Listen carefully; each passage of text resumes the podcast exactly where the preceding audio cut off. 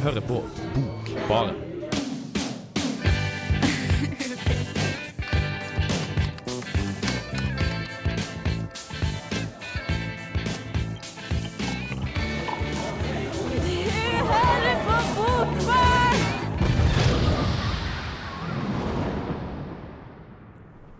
Det stemmer, du hører på Bokbarn.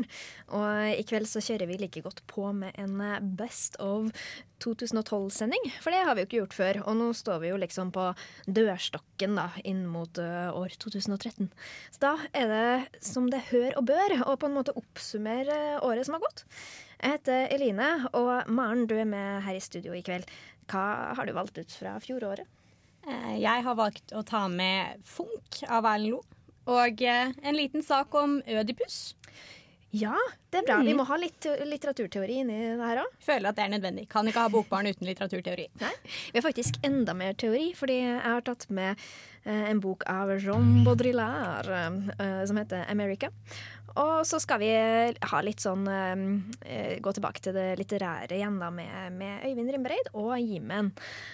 Alt om det her får dere uh, høre etterpå. Først så får dere uh, On My Knees da, med, av, av Billy Van. It is paradise. Santa Barbara is a paradise. Disneyland is a paradise. The US is a paradise. Paradise is just paradise. Mournful, monotonous, and superficial though it may be, it is paradise. Med boka 'America' tar den franske postmoderne teoretikeren Jean Baudrillard oss med på ei reise gjennom Nord-Amerikas ørkener, langs LAs motorveier, forbi suggererende TV-skjermer og inn på massive kjøpesentra. De som kjenner til Baudrillard, vet at han er kjent for sin teori om simulakra og hypervirkelighet. Kort sagt tanker om simulering, reproduksjon og sannhetsbegrep i den moderne verden. Med dette som basis er det ingen overraskelse at Baudrillard retter lupa mot USA. Statene er interessante i så måte fordi til og med deres opprinnelse virker konstruert i forhold til mange andre steder. Having known no primitive accumulation of time, it lives in a perpetual present having seen no slow, centuries long accumulation of a principle of truth, it lives in a perpetual simulation, in a perpetual present of science. Det er ikke til å komme fra at Amerika America baserer seg på mye av Baudrillards teori, og kan virke tung å lese. Likevel, det her er først og fremst poetisk skrevet prosa med unike, sjarmerende, humoristiske og til tider beint frem fantastisk nydelige skildringer av et sted som har innflytelse på oss alle. Baudrillard har fått kritikk for å komme med påståelige, syrlige uttalelser om USA som det ikke argumenteres godt nok for.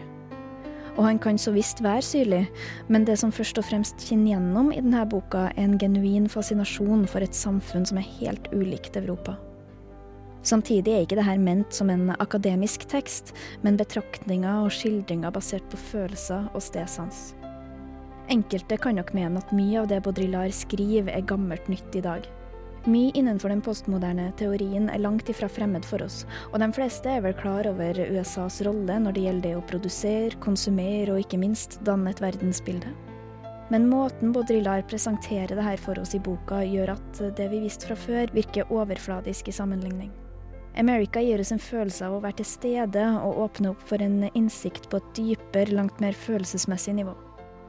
To see and feel America, you have to have had, for at least one moment, in some downtown jungle in the painted desert, or on some bend in a freeway, the feeling that Europe had disappeared. You have to have wondered, at least for a brief moment, how can anyone be European? Ja, der fikk dere altså On My Knees av Billy Van, tett etterfulgt av en anmeldelse av Baudrillards Amerika. Og Eline, hva syntes du egentlig om boken? Jo, jeg tror det kommer frem eh, at, eh, at, jeg liker den veldig godt, da.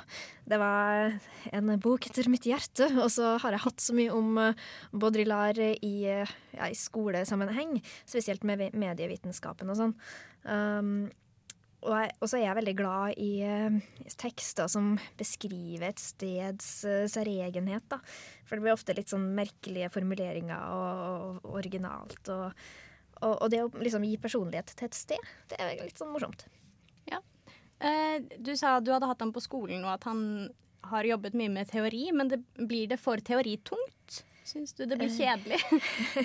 Nei, eh, det er klart at eh, jeg tror det hjelper på om man, har, om man vet litt om Baudrillard fra før. Fordi han bruker jo eh, Det skinner skinn gjennom da, at han eh, gjennom i denne boka eh, snakker om eh, Altså han bruker sin egen teori om det her med simulakra og hypervirkelighet, og at eh, vi, bilder reproduseres hele tida, og, og eh, kopien da blir mer ekte enn originalen til slutt. Så vi lever i en veldig sånn her medie, med, mediesert Mediasert? Med, I hvert fall uh, en, en, en sånn hypervirkelighet der alt går så fort og alt forandres og sånn. Og det skinner gjennom i boka, men likevel så er det først og fremst eh, en eh, veldig poetisk skrevet bok om betraktninger, altså.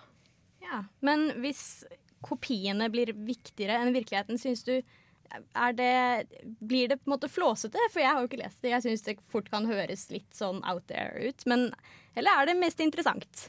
Det det er ikke flåsete, vet du. Det fungerer, altså. Ja da, jeg, Ok. jeg syns jo Jeg er kanskje litt sånn Jeg er kanskje litt betatt, litt forelska i Baudrillard, men eh, jeg syns at han har eh, et fundament. Og så er det liksom Han har aldri I denne boka, som er et skjønnlitterært verk, så har han jo aldri påstått å skulle si en Altså, det er ikke en bok full av fakta mer. Det er en bok av med følelser. Da avslutter vi med det og går over på 'Darkness' av Leonard Cohen.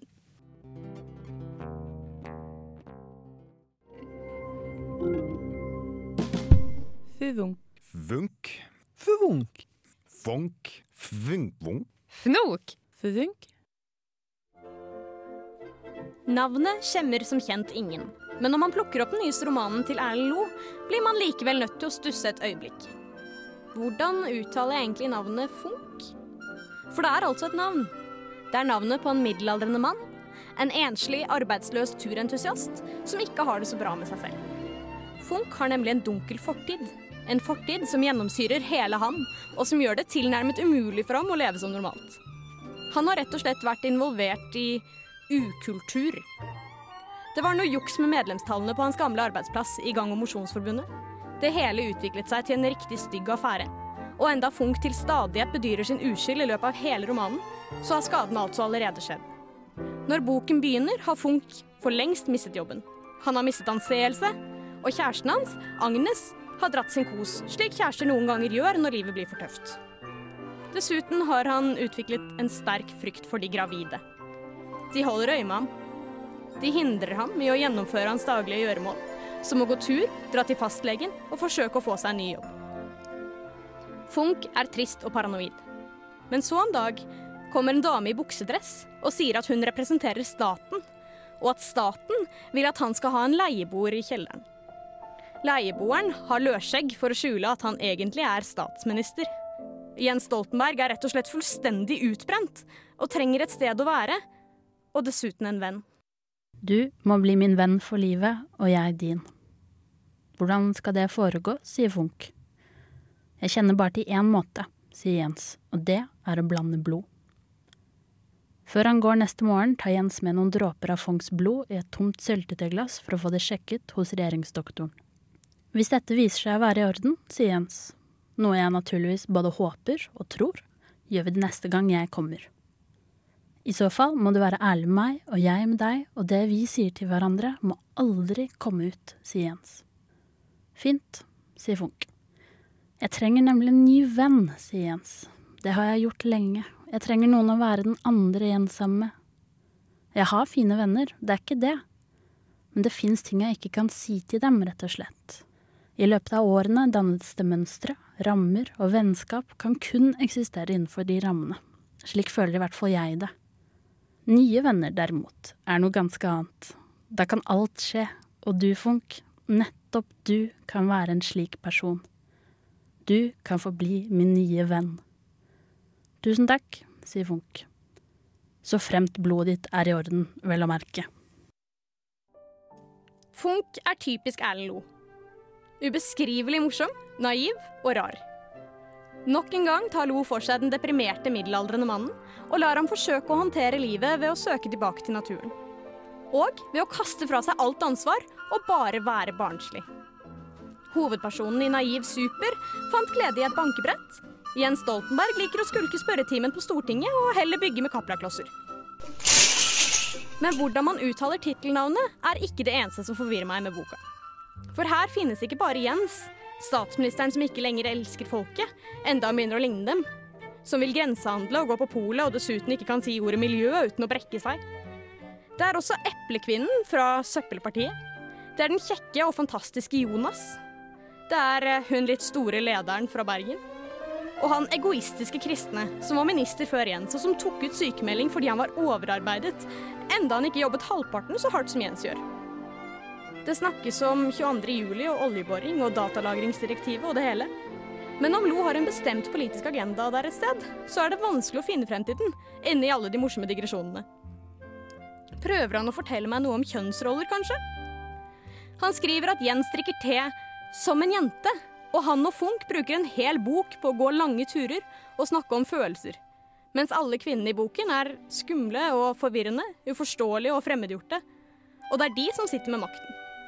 Funk innleder et seksuelt forhold til statssekretæren i buksedress, og enda hun er med på leken, får man ikke akkurat følelsen av at hun er på utkikk etter noe varmt og varig, slik kvinner tradisjonelt sett er. Det er ikke noe galt i å ønske seg nærhet, sier kvinnen. Nærhet er flott. Jeg bruker det tidvis sjøl. Men nå må jeg gå.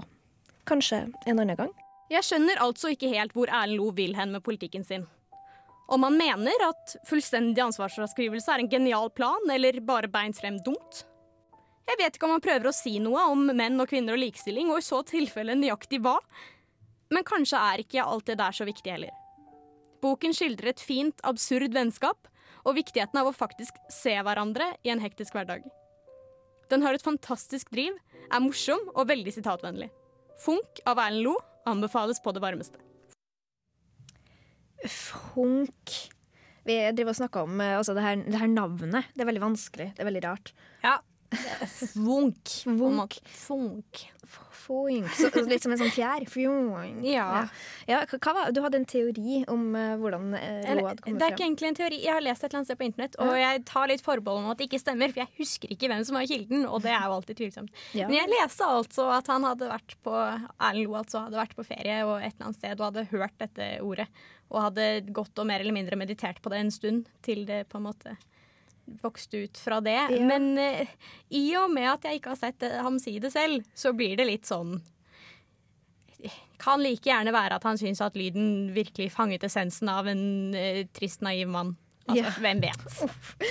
ja, for det her er liksom en trist og naiv mann. Og, og jeg syns at det er en mannsfigur som kanskje går igjen litt da, i eh, forfatterskapet. I hvert fall, Jeg har lest Doppler før, og det, det er vel kanskje den eneste boka jeg husker sånn litt ordentlig. Uh, og da er det jo mye av det her naive og, og den stilen der. Jeg, jeg, kjenner du det igjen i boka Funk? Eller om Funk? Ja, absolutt. Eh, og også i, i min favorittbok av Erlend Lo, 'Stille dager i Mixing Part'. Der har du også en eh, ganske forkommen middelaldrende mann som har litt midtlivskrise. Så jeg tror nok det er noe som opptar Erlend Lo. Ja. Det, nå har han jo én som er om en deprimert jente, muleum, men bortsett fra det så går det mye i menn som ikke har helt kontroll. Jeg lurer på om det går helt bra med Erlend Lo. Ja. Og, så er det jo et annet tema som er veldig synlig da, i hans forfatterskap. Og det er jo det her med å dra tilbake til naturen. Eh, sant? For Ja, det snakka du om her også. Mm. Um, og, så, og så har jeg jo sett litt Jeg har, har, har Ellen Lo på Twitter og sånn, og ofte da så driver hun og tvitrer om at hun går på ski og jogger og sånn. Ja. Så jeg tror kanskje det kommer innenfra. Men nå skal det jo sies at det er på en måte tips nummer én. Hvis du kjenner at du bærer på noe litt tyngre enn du egentlig har lyst til, så er det sånn kom deg ut! Natur! Hei, snø! Ja da. Så, sånn sett så er det jo litt mulig at han faktisk har eh, tatt det til etterretning. Og, Ja, eh, sånn helt til slutt her så sa du noe om at eh, boka endrer seg litt mot slutten. Ja, det stemmer. Den har en ganske brå ending, eller vending, heter Ja. det vel egentlig, mot endingen. Takk. Endelsen. Whatever. Uansett, den, eh, plutselig så skjer det noe som gjør at det blir en helt annen bok. Problemet er det at eh, i og med at jeg helst ser at folk leser denne boken, så vil jeg jo ikke spoile slutten. Men derfor så mangler jo anmeldelsen på en måte noe ganske vesentlig, i og med at det er en helt annen bok når du har lest slutten. Men kan, kan det forsvares, det her skillet? Eh, ja, absolutt. Jeg syns denne boken blir veldig mye bedre, for den får en helt annen dybde på et vis. Om man kan snakke om dybde i en bok man ikke helt har forstått. Men ja, jeg syns det. Ja, så bra. Vi skal, etter hvert så skal vi også gå over til um, Rimbereid, som eh, man kan jo si at han har holdt på med ja, det, det dybde i bøkene hans også. Men uh, først så får dere feist med How Come You Never Go There.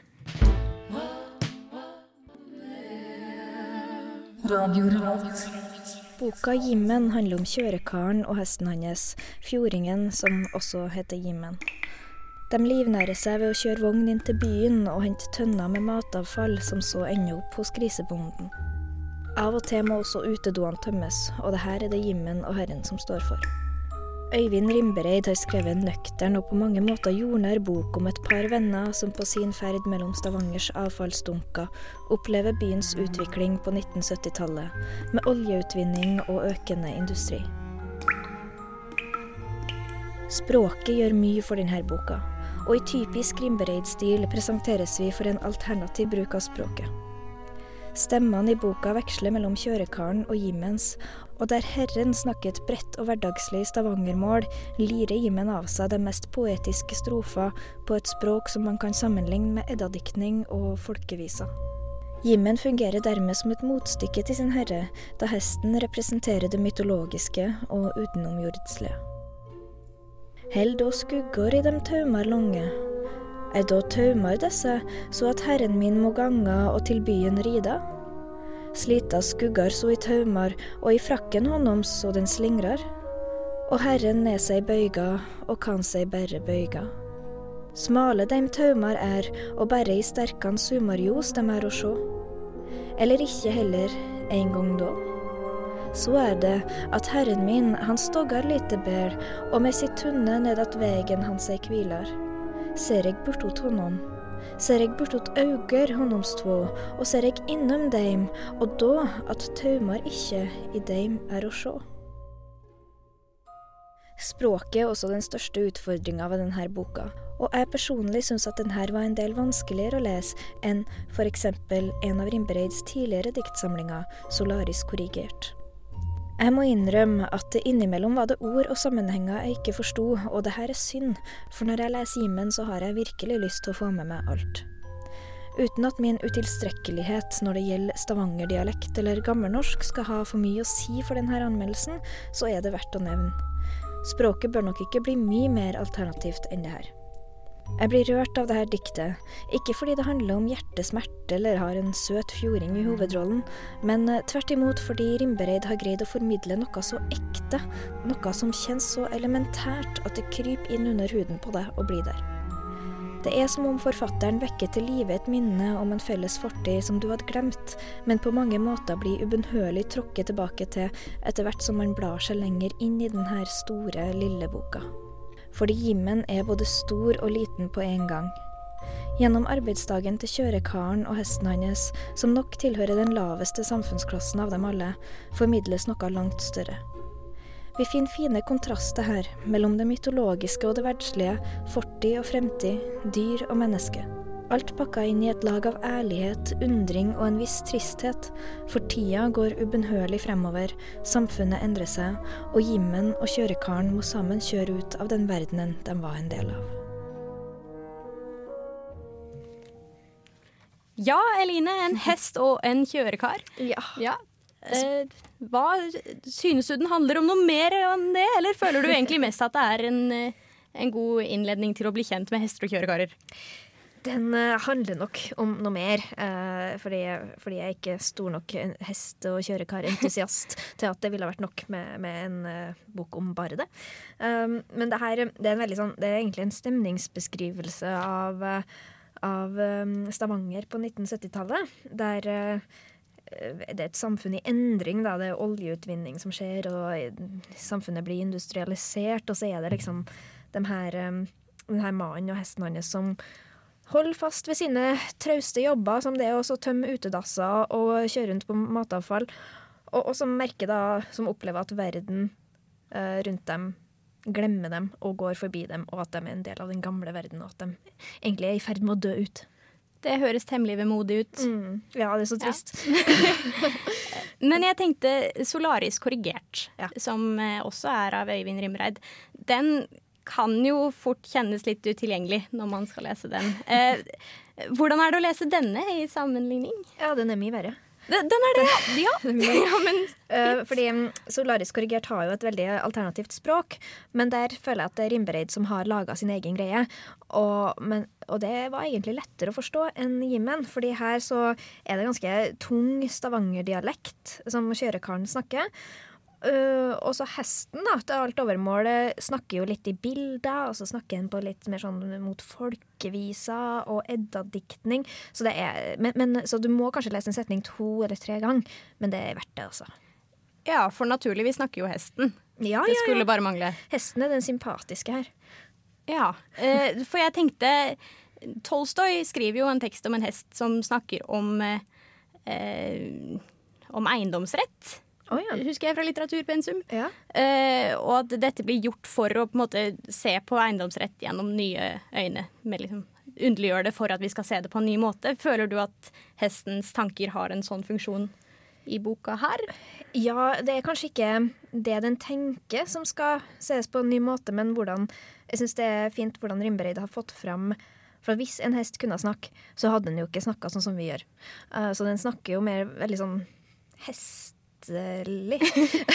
Den snakker hestlig, og så vi ser verden på en hestlig måte. Ja, og det, det, det er vakkert, altså. Det er fint. Eh, men det blir mer, du, du klarer å leve deg mer inn i det, da, fordi at eh, hadde den snakka bare normalt, så hadde det jo bare vært tull. sant?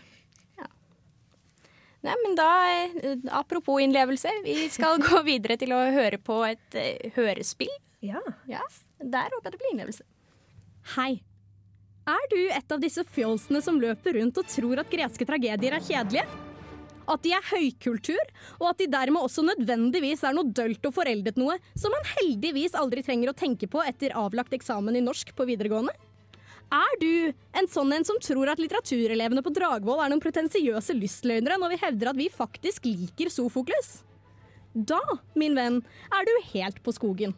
Jeg er så lei av å måtte lide meg gjennom eviglange sammendrag av Hotell Cæsar eller Days of Our Lives, der det store høydepunktet er at oh my god, liksom!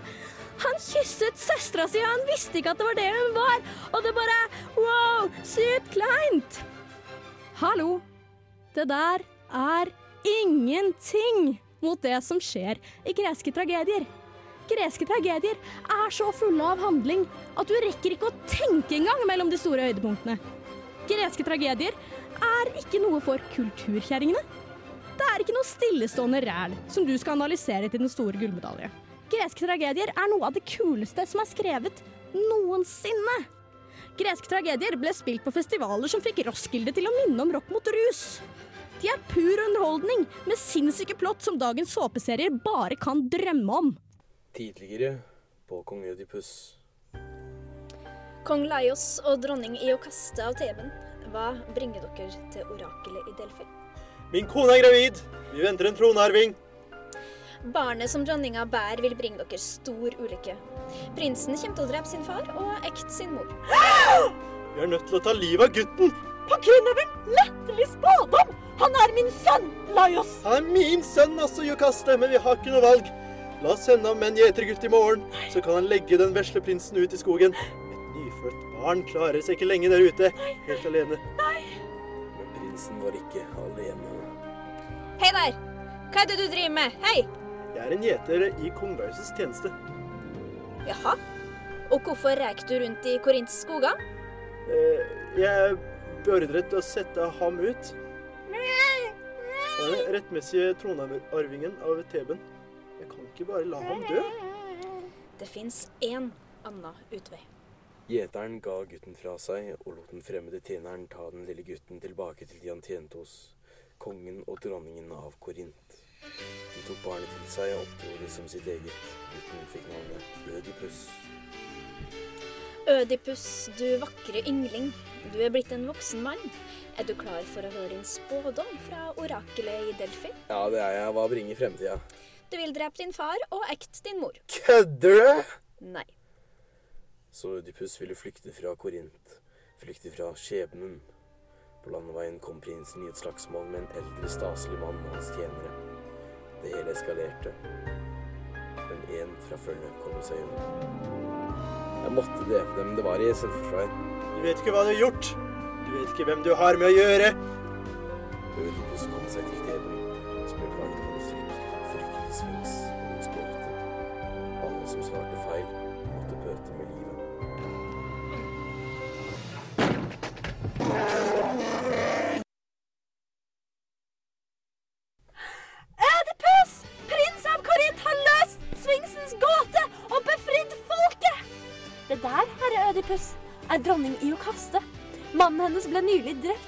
landeveien av en ukjent gjerningsmann. Så nå har hun enke. En veldig takknemlig enke. Wow, for en milf.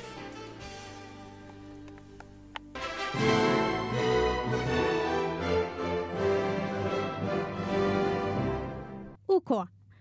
Så på denne korte, lille episoden har vi altså hatt to kongefamilier, et faderdrap, litt incest, mange forviklinger og Glemmer jeg noe nå? Ja visst! Et fuckings medium! Hva mer vil dere ha, da? Greske tragedier er ikke kjedelige, de er ikke pretensiøse, de er fart og spenning og forbanna kule, og jeg foreslår at alle går ut og leser en i dag. Hei, dette er Jostein Gaarder. Du hører på Bokbaren i Radio Revolt.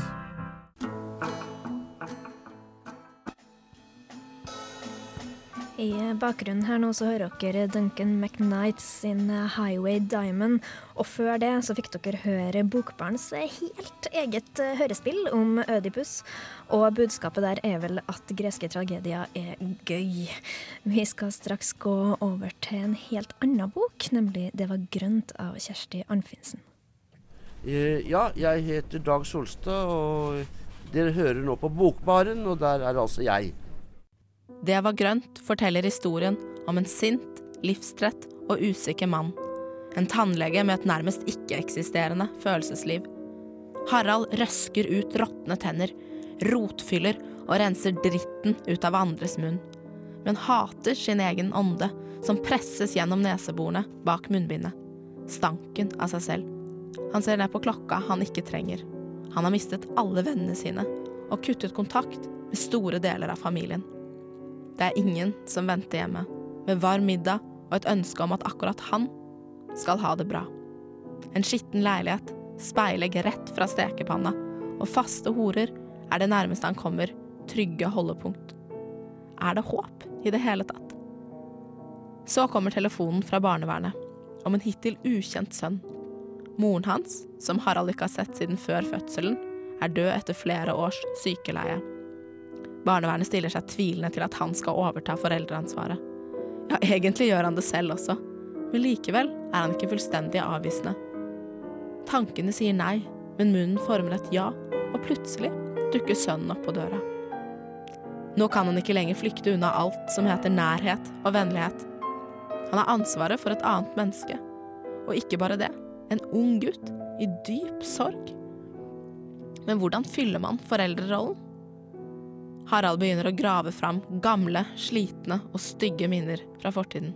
Minner om en familie han en gang hadde. En familie som fortsatt eksisterer, men som mer eller mindre har gått til helvete. Kan han føle glede i samvær med andre? Har han noensinne vært glad? Jeg har lyst til å se ansiktet hans. Jeg trenger å se ansiktet hans. Fjerne bildet av meg sjøl som guttunge vandrende gatelangs på leiting etter raketter, og et latterlig håp om at faren min skulle komme og ta med meg til et annet sted. Han skulle komme og hente meg, stå der med brede skuldre, sette seg på huk med åpne armer, med en gang han fikk øye på meg, og så skulle vi være sammen, bo sammen, snakke sammen, og han skulle si at jeg var den viktigste i hele verden for han. Sønnens varme smitter. De ser tenniskamp på TV, drar på Tusenfryd og kjøper gardiner på Ikea. Steffen lærer han alt om hvordan normale familier har det. Han innser at guttens mor er borte for alltid. Men vil han ta hennes rolle? Et dødsfall har allerede ødelagt hans egen familie. Det skal ikke ødelegge for Steffen også.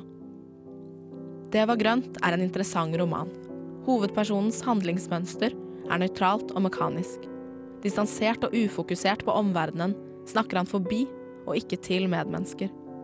En bok som gjennom Haralds indre dialog nekter enhver følelse å la seg involvere i den påfølgende handlingen. Nettopp derfor kan språket til tider virke litt slapt. Vi venter på et emosjonelt sammenbrudd og en språklig kraft som aldri helt kommer. Men på den måten bidrar også språket til å tydeliggjøre Haralds største utfordring å lytte til følelsene sine. Derimot er språket røft og skittent. Tankene som kommer til uttrykk, og beskrivelser av omverdenen vitner om en person med et bedritent forhold til livet. En språklig råhet rammer inn Haralds personlighet. Språket er lett, flyter godt, og mye er faktisk ganske morsomt. Men mest av alt er dette historien om et enormt ensomt menneske. Romanens siste kapittel, 31.12.2011, beskriver en helt annen mann enn han vi leser om i det første. En mann som kanskje har oppdaget det vi vanligvis kaller for kjærlighet. Jeg står og svaier. Vi kan falle. Vi kommer til å falle. Jeg spør om vi skal gå inn. Det er jo kaldt. Han vil ikke det. Han vil se fyrverkeriet først, og holde meg fast i skjorta. Det var Ingrid Kveim Skarholt sin anmeldelse av boka 'Det var grønt' av Kjersti Anfinsen. Uh, Ingrid er jo dessverre ikke her i dag, da, men um, jeg tror at uh, det høres ut som hun likte den boka. altså. Ja, jeg husker at hun var veldig positiv. Ja. Jeg tror ikke noe har endret seg siden sist. det er mulig at hun ville ha gitt en litt mer sånn fyldigere beskrivelse av boka hvis hun var her, enn det vi klarer å gjøre nå. Men vi har jo i hvert fall liksom lagt, litt, lagt oss litt opp i denne tittelen. Det var grønt. Det, det er en litt sånn merkelig tittel. Ja, den, det fins så mangt man kan Altså grønnere på den andre siden, eller Ja, eller litt sånn konservativt òg, for det er sånn Ja, det var så mye bedre før. Ja. Og du får grønt lys. Ja, det var grønt. Nå er det ikke trygt lenger. Nei. Noe har Nei. gått galt på veien. ja, så, så, så kanskje For det her virka jo som en litt sånn eh, trist og, og dyster bok, da, det kan man si. Eh, det er debuten til Anfinsen, og handler jo da om en angstfylt, trist og sint hovedperson som i tillegg er tannlege. Herregud. ja, det er, det er ganske skummelt, egentlig. Jeg foretrekker å ha litt sånn fornøyde tannleger. Tannleger Ja. som ikke har noen grunn til å ville andre mennesker vondt. Det er jeg for. Ja, eh, så en misantropisk tannlege, det på en måte lover ikke godt. Um, Men det som vi la merke til ved denne um, boka, var en anmeldelse som Dagbladet hadde skrevet. Og det, vi, vi oppdaget et helt nytt ord da, i denne anmeldelsen. For soffen. For soffen, Det er et fantastisk fint ord. Ja, ingen av oss har hørt om det her ordet før. uh, men vi fant jo ut da Jeg syns det hørtes litt ut som en sånn eh, Ja, litt sånn uh, ragabast, kanskje. Men det, høres, det betyr da fordrukken. Eller forfallen. Eller utranglet. Så ja. For soffen, altså. Det er litt nye yndlingsord. ja. Her har du ikke Disko slem med langt, langt vekk.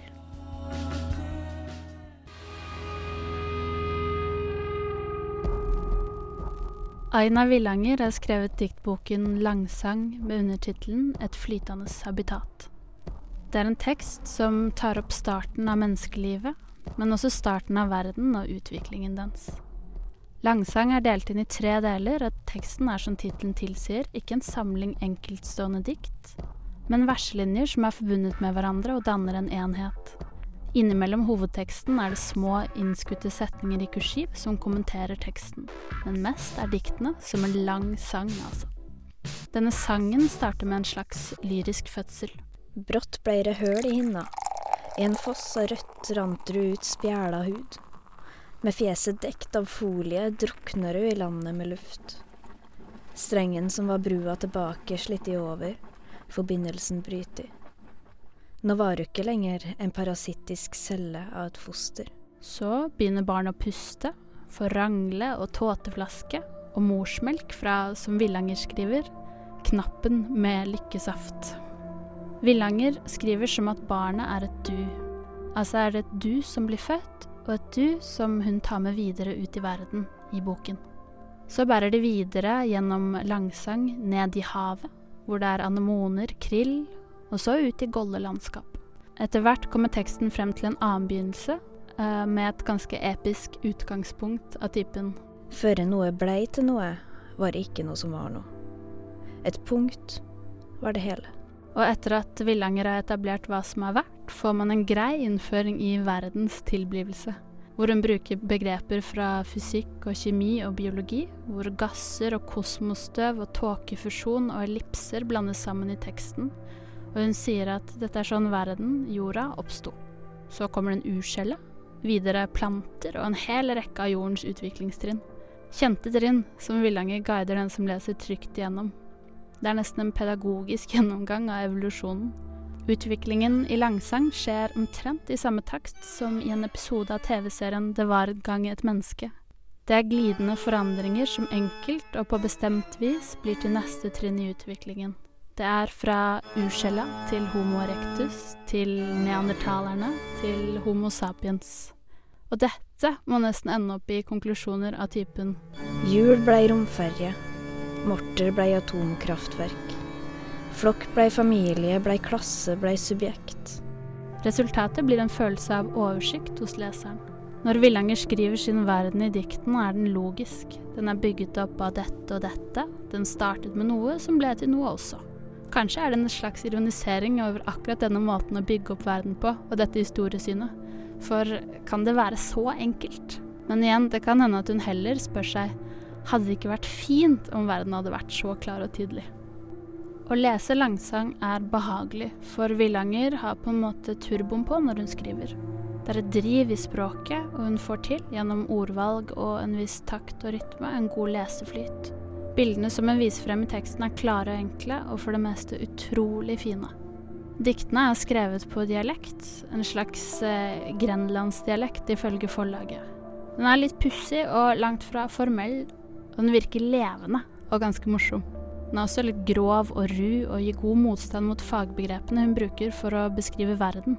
Den fagterminologien hun bruker, virker ikke som tankeløst forsøk på å gi teksten relevans og seg selv som forfatter autoritet. For låneordene fra fagfelt som fysikk og kjemi bruker hun henslengt og ganske naturlig. Og Villanger har autoritet når hun skriver. Både når hun snakker til duet, som jo blir født, og når hun gjenforteller verdens historie. Å lese langsang gir en følelse av å få være med på noe. For leseren blir dratt med av et godt språk, av fine, pussige bilder og lure ideer. I boken finner du rett og slett upretensiøs leking med evolusjon og språk og følelser. Og det gjør langsang, et flytende habitat av Aina Villanger, til en skikkelig god diktsamling. En eh, veldig fin eh, anmeldelse av Vida der, og jeg syns det høres ut som en utrolig fin bok som jeg har lest, lyst til å lese sjøl også, men det er jo én liten ting da, som jeg og Maren på en måte la beit oss litt merke i her. eh, ja, i, i begynnelsen. Eh, fordi Vida snakker om en sånn lyrisk fødsel som er så vakker, eh, og så hører du bare den her lydeffekten i bakgrunnen av, av, av rennende blod. som er en sånn slurpelyd. Ja. Oh, Og vi tekniker foreslo at det kunne være lyden av rennende øl. Det var det han hørte, på en måte. Ja. Så det, det sier jo noe om eh, eh, assosiasjonene man får som helst ikke skal komme til en fødsel. Gud, vet du, det var så vondt. Også, men vi tenker jo at eh, Vida hun, hun er sikkert vant til det her, for hun er sykepleier, og de har liksom ingen, ingen, ingen sperrer. Så dere må bare Jeg håper dere overlevde akkurat den lille revnen. eh, Ja, vi skuttet oss, men kommer til å komme over det. Ja, vi, vi klarer oss. Ja, men um, jeg syns det er veldig fint da, den måten uh, Vida beskriver det her som en skapelsesberetning. Uh, og så virker det som det er både mye teori her og, og mye poesi, og, og en sånn fin blanding. Men um, du, Maren, du har vært på opplesning med hun her forfatteren. Ja, det stemmer, for hun, hun leste opp på Bøker i Bø, som er en litteraturfestival i Telemark. Eh, og jeg bet meg merke i at Vida sa at hun følte at eh, Aina skriver med turbo på. Fordi det var akkurat den følelsen jeg fikk da hun eh, hadde opplesning. Jeg kan ofte styre min begeistring litt for lyrikkopplesninger dersom de blir litt for traurige, på en måte. Um, og særlig når det er et tema som først kan virke såpass pretensiøst som på en måte evolusjon. Men det var bare, det var helt fantastisk. Hun har en innlevelse som ikke ligner noe som helst. Veldig bra. Ja, Men hun er, hun er ikke en debutant, vel? Nei, det tror jeg nok ikke Nei, hun er. Sånn som du sier, så virker hun veldig erfaren. Da. Og det virker, virker som at det her språket som hun brukte på opplesninga, har eh, på en måte at hun har det tekstlig også. For at eh, Vida sa jo at det var et muntlig språk i denne boka. Så Mm. ja, lovende. Altså. Det er jo en av våre eh, anbefalinger fra i fjor, da, kan man si. Videre så har vi jo hatt uh, om eh, Jean Baudrillard og America. Uh, det var jo ikke en bok som kom ut i fjor, men uh, likevel en, eh, en bok som er verdt å lese. I hvert fall hvis man er glad i litt sånn ja, teori rundt det litterære. Og litt filosofi også, kanskje. Man må være, ha et åpent sinn, da. Eh, Så har du også Øyvind Rimbreid og Jimmen, som jeg syns var veldig fin. Eh, Maren er kanskje ikke like overbevist, men eh, Nå har jo jeg strengt tatt ikke lest den, så for Du virket positiv, det holder for meg. Så bra. Det er i hvert fall en anbefaling fra, fra meg, da. Eh, videre så har du snakka om Ellen Lo og sin, eh, sin Vunk. Det, hva syns du? Er det en anbefaling, det? Det er absolutt en anbefaling. Så bra. Eh, det- eh, an anmeldelsen av eh, Kjersti Anfinsens 'Det var grønt' var jo Ingrid som hadde, og det virka som at hun var veldig mm, inn- glad i den boka. Også. Det, var, det var en anbefaling der også. Vi har dessverre ikke lest den. Heller ikke Vida sin anmeldelse av Aina Villanger sin langsang, som vi nettopp snakka om. Men eh, vi syns den høres veldig fin ut, bortsett fra den fødselsdriten. Ikke så bra. Der var det strengt tatt ikke teksten som ikke var så bra, da. Nei, nei, nei. Det var lyd... Ja. Ja. Jeg tror vi nærmer oss slutten, og godt er det. Eh, med meg i dag så har jeg hatt Maren Skolem. Jeg heter Line Bjerkan, og vi har hatt hele to teknikere med oss. Det er Jonas Strømsodd og Hildegunn Kristiansen. Eh, her sånn i bakgrunnen så hører dere Sigurd Julius med Pip. Dere kan gå inn på radiorevolt.no og høre oss på Stream on demand og podkast og les nettsakene våre. Og det er i det hele tatt mye fint å se der. Vi høres neste uke. Jeg bor i en by. Det har jeg lært meg å gi faen.